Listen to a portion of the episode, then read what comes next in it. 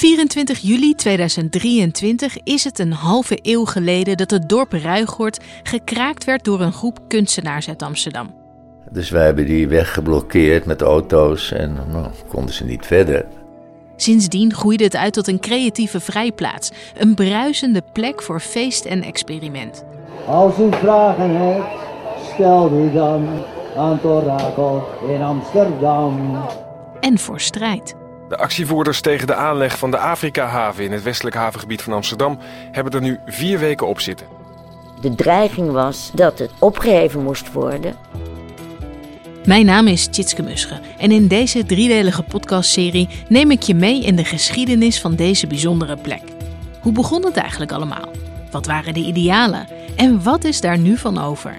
Ruigoord en dat soort plekken zijn eigenlijk een plek voor de scharrelmens met vrije uitloop.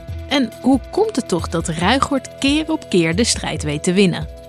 Het gaat er natuurlijk om dat je mensen verleidt. Als ruigorders nou één ding heel goed kunnen, mensen ontvangen. Hen door jouw ogen laten kijken hoe bijzonder het is.